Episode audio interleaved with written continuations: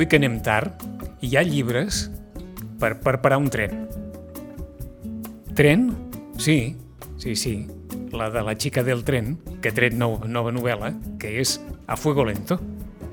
Paula Hopkins, però és una de la llista de les novetats, perquè avui em sembla que gairebé més que recomanacions parlarem de novetats amb la, amb la Rosana Lluc, però ja ens ve de gust perquè com que amb tot això de la pandèmia arriba un moment que ja semblava que no passaria res, que, que, que ni s'editarien llibres, que ni el món es mouria, i, i en canvi eh, això és un continuum que, que no para mai. Rosana, bon dia i bona hora. Hola, molt bon dia. Això és un no parar. És un no parar, eh? Pensem precisament avui que, que tu deies, avui dia 1 és quan surt aquesta, la Paula Hawking amb a, a Fuego Lento, a Foc Lent, també, no, en català. No, no es pot negar que li estan fent una publicitat, però, però per tot arreu apareix, eh? La, la Paula Hawkins. Sí, sí, sí, ja, pensa que en, ja durant l'estiu ens van portar doncs, com una tassa, eh? que quan li poses eh, aigua calenta llavors um, surten les lletres, o sigui que dius, vale, molt bé, ja veiem per on aniran les coses, o sigui, la Paula Hawkins serà una autora que tenen ja tota una campanya de màrqueting preparada. Uh, recordàvem el darrer dia que parlàvem amb tu, fa 15 dies, que ens deies és que el primer de setembre uh, plouran novetats, perquè ja plouran novetats la darrera setmana d'agost i els primers dies de setembre en tornaran a ploure. I això ha estat així, eh? Això ha estat així, sí. De fet, eh, bé, com ja estava previst que el dia 25 fos el primer en arribar, fos el, l'Aramburu, el Fernando Aramburu amb Los Vencejos, eh? Que sortirà d'aquí uns dies en català. De moment no ha sortit, però sortirà en català per tots aquells que vulguin llegir o que han llegit Pàtria en català i volen llegir ara també el Fernando Aramburu en català. Uh -huh. No té res a veure amb la seva darrera novel·la, eh? també ho diem. És una nova novel·la... Res a veure amb Pàtria res a veure ni en tema ni en... Clar, no, no s'assemblen res, eh? o sigui, no té res a veure.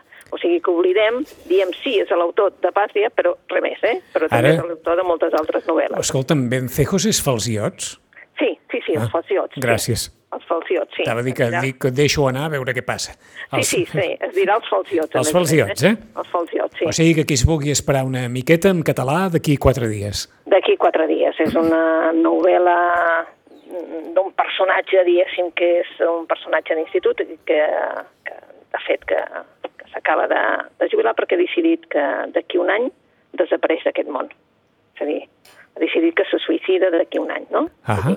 Llavors, com que ja té, té escollida fins i tot l'edat, etc., eh, doncs ara pretén durant un any doncs, anar recopilant pues, doncs, com un diari personal, per dir-ho d'alguna manera. No? Es va desprenent dels seus llibres i farà una, una crònica, una crònica, però clar, a fer una crònica doncs, ens parla absolutament de tot. Doncs, dels seus pares farà una crònica també disparada, despiadada dels seus pares, d'un germà del Raül amb el que no s'ha acabat d'entendre mai, tampoc de petit, vull dir, allò? i també de la seva exdona, l'Amàlia, evidentment del seu fill, del Nikita, o sigui, eh, i també, evidentment, surt doncs, aquesta Espanya que ell ha passat. Mm? És una mica un, un, una crònica, no només d'ell, sinó, evidentment, una crònica de tot el que està passant. És increïble també la, la, la relació que té amb un amic seu, que és el Patachula, eh, patachula veiem que és, eh, no és que es digui així, que quan ho penses, penses que és un gos o que... No, no, no, és un senyor que en l'11M li van, estava en aquell tren i se li, li van segar la cama i a partir d'aquí, pues, així, en plan broma, li diuen el patachula. Uh -huh. eh? Vull dir que és un, una novel·la grandiosa, també pel seu tamany, i bé, Mm, ja s'ha notat, eh, aquest també hem fet publicitat, potser no tanta com l'altra, però quasi 700 pàgines, però que jo crec que els lectors se l'estan ventilant en, en molt poc temps. D'acord. Saps si, si ha estat ben rebuda? Almenys en, en aquests primers dies, molt ben rebuda? Molt ben rebuda. Potser la, la, la més ben rebuda fins i tot que nosaltres d'això, que la, la segona que li va venir després, és a dir, que el dia següent la novel·la que va sortir va ser la Julia Navarro en De ninguna parte, de cap lloc, perquè aquesta ha sortit en català i castellà alhora. Eh? Bé, eh, la Julia Navarro també té tot un reguitzer de, de, de, de lectors i per tant ja l'estaven esperant i aquesta és on tots diuen, bueno, és que aquesta és una mica més prima, eh? O sigui, ara anem així, eh? O sigui, aquesta és una mica més prima, eh? Sí, és veritat, perquè en realitat està explicant la vida de dos, do, dos, dos nois, dos joves, la Vir i el Jacob, que estan refugiats en... Uh, bueno, estan en un camp de refugiats del, del Líban i bé, mm, bé, doncs és aquella, aquella novel·la de, de, de l'exili, no? De l'exili de si mateix també, perquè després es trobaran a, a Brussel·les. Eh? Uh, ja es podeu pensar que, evidentment, organització islamista, mm, pel mig, etc etc. O sigui, que és una novel·la d'aquelles de la Julia Navarro i que també està agradant molt, que, que ja us dic, uh, en català també se l'estan llegint, que és curiós, però sí, de cap lloc també és una, o de ninguna parte, és una de les apostes que eren les de primeres de l'agost i que ja han funcionat. Perfecte. Bueno, i després, evidentment, també va sortir l'agost, no al setembre, sinó a l'agost, la Sílvia Soler, que uh -huh. treu nova novel·la que es diu Nosaltres després. Aquesta sí que hem de, hem de dir que... Vale. Escolta, Sí, sí, t'escolto, eh? No, no passa res, ha passat una d'aquelles situacions que les botigues... Ah, que les botigues són clàssiques, eh? Que hi ha una d'aquelles coses, jo necessito una resposta teva. Exacte, sí. I ja està, resol. Està, eh? I ara, i ara, Rosana, no passa res. Bueno, i després tenim... Uh, de, Sílvia, de Sílvia Soler, nosaltres després, deies? Sí, nosaltres després, que és una història sobre uns personatges, només sabem això perquè no, no l'hem llegida, reconec que no l'hem llegida, però que és una novel·la també um, com a molt, molt, molt, molt, molt uh, detinguda. Eh? Uh -huh. uh, és curteta, tothom diu el mateix, és molt curteta. No sé què, no sé què està passant amb, la, amb, amb, amb les novel·les ara, que és que tothom, Sí, sí, les vol, que, que tothom les vol gruixudes ara, les novel·les.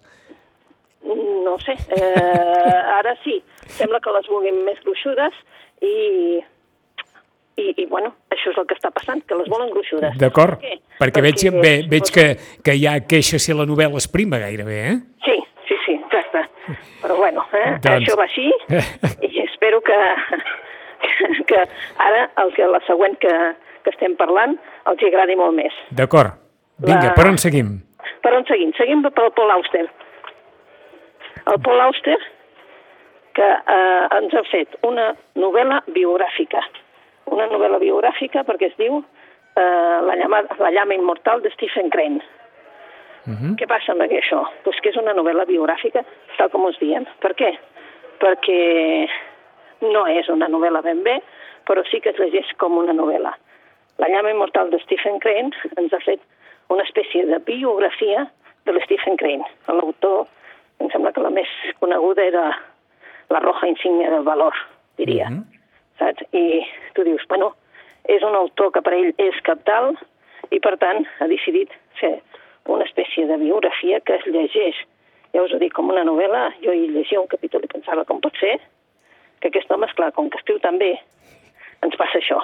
En llegim tot un capítol i penses, bueno, estic llegint una, una biografia de l'Stephen Crane que mai a la vida ho haguera fet, no? I aquesta mm, biografia novel·lada té 900, 900, no, no, perdona, 1.000, 1.000, 1.000, 10, 1.000, 1.040 pàgines, 1.033. Quant de temps feia que no parlàvem de, de Paul Auster? 3 o 4 anys, no? Des Eh que- de eh que- 4-3-2-1, des Va- de 4-3-2-1. És el que anava a dir, Déu, bastant de temps feia, eh? Bastant de temps, sí, bastant de temps. Eh? Pues, eh, I ara ens publica això, um, una novel·la en què, clar, no només surt no, una biografia novel·lada en el que no només surt el Stephen Crane, sinó tota la seva època. I, per tant, tots els autors, amics i enemics, també d'ell, surten aquí. És increïble l'extensió que hi ha darrere de, les, de, les, de la bibliografia que porta. Increïble.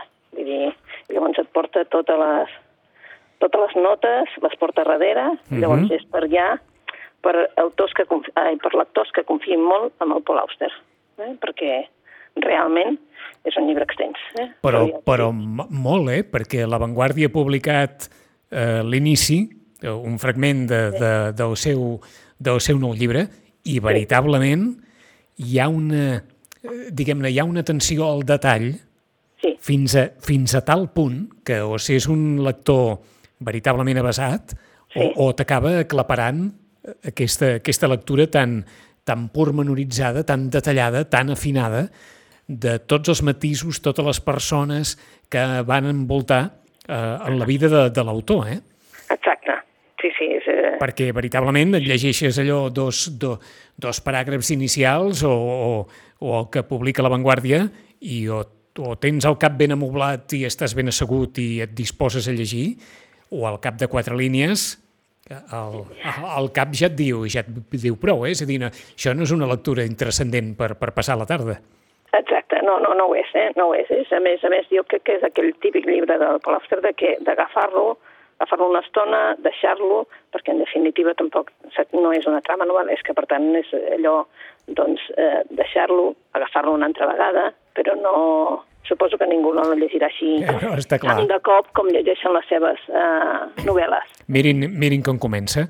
Exacte. Nacido el Día de los Difuntos y muerto cinco meses antes de su vigésimo noveno cumpleaños, Stephen Crane vivió cinco meses y cinco días en el siglo XX deshecho por la tuberculosis antes de haber tenido ocasión de conducir un automóvil o contemplar un aeroplano, ver una película proyectada en pantalla grande o escuchar la radio, un personaje del mundo del caballo y la calesa que se perdió el futuro que aguardaba sus padres, no solo la creación de aquellas máquinas e inventos milagrosos, todo eso subordinado darrere subordinada, eh? sino los horrores de la época también, incluida la aniquilación de decenas de millones de vidas en las dos guerras mundiales fueron sus contemporáneos Henry Matisse, 22 meses más que él, Vladimir Lenin, 17 meses mayor, Marcel Proust, 4 meses más, i escritores contemporanis tales... Aquest és el nivell de, de prosòdia, eh? Per tant... Sí, sí, eh, de... Per tant, ben, ben asseguts i ben, i ben apamats per llegir aquestes 1.040 pàgines de La llama immortal de Stephen Crane, el darrer llibre de Paul Auster. Però jo també és el que et deia, no? jo crec que sí que hi ha un públic que li agradarà, sobretot perquè et fa entusiasmar amb un autor que en definitiva sí que el coneixies, però tampoc no, no crec que fos l'autor preferit de, de molts de nosaltres, diguéssim, no? Vull dir que Stephen Crane sí, el tens situat, però res més. I la gràcia d'aquest llibre suposo també és que situa tots els autors contemporanis que hi havien sí. i la relació que tenia amb ells. Vaja, una, una lliçó d'història i de literatura. Sí, sí, sí, que això també de vegades ens fa falta perquè estem estudiant autors, sobretot quan estudies literatura, no estudies autors, estudies autors i al final penses, a veure, un moment, els contemporanis qui són, no? Perquè mentre aquest estava escrivint això, aquest malgrat que no es conegués i estava a l'altra punta de, de món, estava escrivint això, no? Llavors, mm, també, això també et fa, bueno, com una espècie de, de dir, hosti, doncs, mm, ho veus així mm -hmm. com a tot, eh? La, la, la, les relacions, els vincles, el món tan, tan petit, aquest també ha sortit avui mateix, no, Rosana? Avui, dia 1, sí avui dia 1. Eh? O sigui doncs que... qui vulgui el darrer de Paul Auster acaba de sortir La llama immortal de Stephen Crane. Per on sí. seguim, en aquesta llarga llista de, de novetats que, que val la pena recomanar? Sí, doncs bé, ara ens n'anem amb un altre que és, és en català, eh, que s'ha dit així, mig en butxaca, mig, eh, saps? Vull dir que és una butxaca gran, que també ha passat en, eh, en l'edició en castellà, que és l'autora la, la, és Chimamanda Ngozi Adichie. Eh? Mm. Uh, bé, tothom la coneix com a la gran, la gran premiada com a novel·la feminista és una de les veus realment més destacades en aquest moment en el tema feminisme, però alhora hi ha molts altres temes que li interessen. Hi ha una novel·la seva que en castellà ha tingut el seu èxit, però és allò que la gent la llegeix i li recomana un altre, un altre i un altre, perquè, evidentment, no és novetat. El que sí és novetat és la, la traducció de la Bela Lit que s'ha fet ara al català. Vale? Aquesta novel·la es va escriure el 2013. Uh -huh. I, eh, en castellà s'ha anat venent, sempre és aquelles de tenir perquè, perquè s'ha de vendre, algú te la ve demanar, però la novel·la es diu Americana. Americana acabat en bac, eh? Perquè és la manera de dir-ho, eh? eh? A veure, ja ho entendreu perquè l'argument és que estem als anys 90, estem a, a Lagos, eh? aquella Nigèria doncs, de, dins d'una dictadura militar, i bé, hi ha dos personatges, l'Aifamelu i l'Ovinza, que són dos joves dos joves que estan vivint en, aquest, en aquesta situació però que s'enamoren i com molts adolescents saben que, que bé, que algun dia els hi tocarà abandonar el país perquè, evidentment, és difícil viure allà. No? Ells sempre havien somiat, sobretot ell, ell sempre havia somiat a viure als Estats Units. I ella, bé, com que ella va una mica doncs, a dir, bueno, doncs si ell va cap als Estats Units també hi aniré jo, no? Però qui aconsegueix realment el visat per anar-se als Estats Units amb la seva tieta és, uh, a Brooklyn és ella, l'FML. I l'FML el que fa és mm, anar als Estats Units, eh, aconseguir un visat, anar a la universitat, sí. etc. I l'Ovinze es queda allà lluitant contra la burocràcia i intentant sortir del país, cosa que de moment no aconsegueix però l'Amèrica que ells somiaven, o que sobretot somiava ell, no és res com ells s'imaginaven. Eh? Uh, evidentment, són negres, són nigerians, són negres, uh, i per tant estem als anys, és el que dèiem, no? 90, finals dels 90, i això uh, allà té un pes, no? Ser negre, ser, no ets d'allà, mm -hmm. i evidentment, eh, realment, ell acabarà convertint-se en una americana, eh? aquest obert, l'americana obert i amb d'això. És una novel·la increïble, que us la recomanem, i que l'ha traduïda la Belolita ara, i la presenten també avui, amb una altra també de, de la Chimamanda, que és Mig Sol Groc. Eh?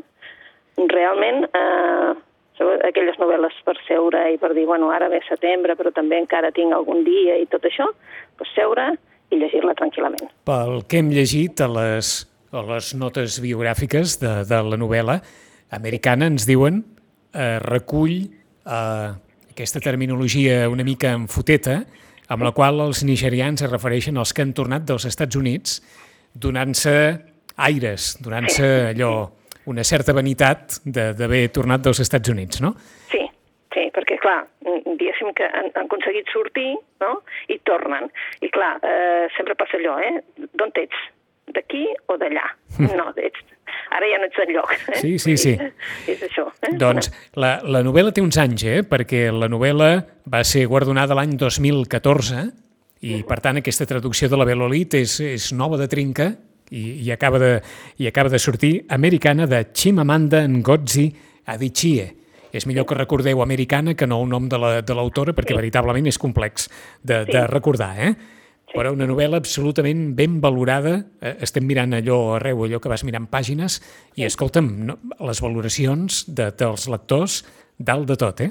Sí, sí, sí, sí. Vull dir que uh, aquí s'havia editat, um, saps, uh, un llibre que, que és capital, que és uh, Tots hauríem de ser feministes, que és de la Ximamanda, i ha sigut també un llibret, saps, que és un llibret petit, i hi ha tota una col·lecció d'ella que, doncs, que reivindica el paper de la dona, i la Ximamanda era coneguda per això, i pensa que aquí a la llibreria ens la demanen per la Ximamanda. Ja sabem, eh, saps? Perquè la, ma la, manera que... la manera més fàcil, eh? És la manera més fàcil de recordar-la, perquè... Hem perdut a la Rosana. Sí? De... Ara sí, Ara. et tornem a retrobar. Et tornem a retrobar. Doncs vinga. Uh, continuem amb un altre, un altre que també surt avui, un autor també conegut, que és el Manuel Vilas. Mm. El Manuel Vilas, el reconeix, tothom suposo que el recordarà primer per la, per la, per la novel·la, aquella novel·la, diguéssim, també tan autobiogràfica que era Ordessa, vale? però evidentment ell, eh, que va ser, bueno, va ser potser la més, mm, la més coneguda en el sentit que va rebre premis per tot arreu. Eh? Eh, més tard eh, va ser finalista, fa dos anys, em sembla que va ser finalista del Premi Planeta amb el Alegria. I a partir d'aquí, doncs ara ens presenta un nou llibre, un nou llibre. Què passa? Doncs és un nou llibre que es diu Los Besos. La uh mhm. és preciosa, Los Besos, i és una... Uh, estem al març del 2020, al març fatídic, diguéssim, no? I just uns dies abans de la pandèmia, de l'inici de la pandèmia... Hem tornat a perdre la Rosana. Sí? Ara t'hem tornat a trobar. Ah, bueno, eh? és que no sé, de tant en tant se sent com un... no? no de, dir, quan et sentim, et sentim bé, i quan et perdem, et perdem del tot. O sigui que... bueno, doncs estem al març del 2020. Estem al març del 2020, a punt de la pandèmia, Los Besos. A punt de la pandèmia, i hi ha un professor, mm, el Salvador, que decideix eh, prejubilar-se. Vull dir, ja quasi, quasi li toca i decideix que ja potser ja ha vingut el moment perquè ja comença doncs, a dir, escolta, hi ha coses que ja no se'n recorda, doncs s'ha acabat, me'n vaig.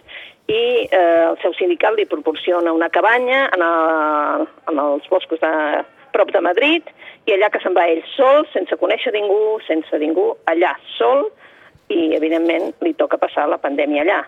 Però eh, coneixerà una persona, una persona que és la persona que porta la botiga de que viures al poble, i és la Montserrat. I a partir d'aquest moment, doncs, primer hi ha una, una relació de confiança i el que és més bonic és que hi ha la relació d'enamorament. D'enamorament quan ja ets gran, quan vols construir una relació madura i, evidentment, en les prevencions pròpies d'una persona que eh, tots dos ja són grans. Uh -huh. no?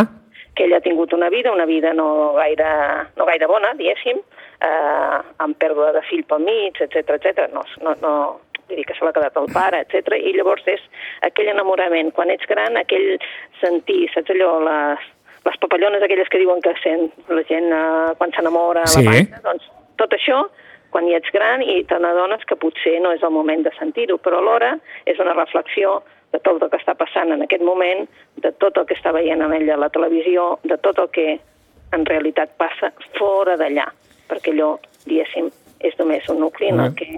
Los besos. Doncs quina, quina manera més bonica d'apropar-se a aquest desastre de la, de la pandèmia a través d'una història d'amor? Sí, mm? a través d'una història d'amor, Don, exacte. Eh? Doncs Perquè fem... Digues, digues. De, de pandèmia n'hi haurà unes quantes, eh, ara? Per això, per això, per això. quantes, eh? Doncs fem un repàs ràpid al que ens ha dit la Rosana, perquè ens en deixem moltíssimes, moltíssimes, moltíssimes, però tindrem ocasió d'anar-les desgranant. De Fernando Uramburu, Los Vencejos, acabada de sortir Els Falsiots, es dirà en català, d'aquí quatre dies la podreu trobar en català. Eh, teniu de Júlia Navarro, de Ninguna Parte, de cap lloc, també en català i en castellà, de Sílvia Soler, Nosaltres després, la darrera novel·la de Paul Auster, La llama immortal de Stephen Crane, Americana, aquesta novel·la de caràcter feminista traduïda per, per Belolit, de Chimamanda Ngozi Adichie i de Manuel Lilas, Los Besos, aquesta història que comença el març del 2020, una història d'amor entre un professor, en Mario i la Montserrat, la, la dona que, que regenta la botiga de queviures en aquest, en aquest indret remot on ha instal·lat la cabana per passar aquesta jubilació i per passar també la pandèmia. En 15 dies hi tornarem. Rosana, gràcies, bona lectura. Bona lectura a vosaltres. I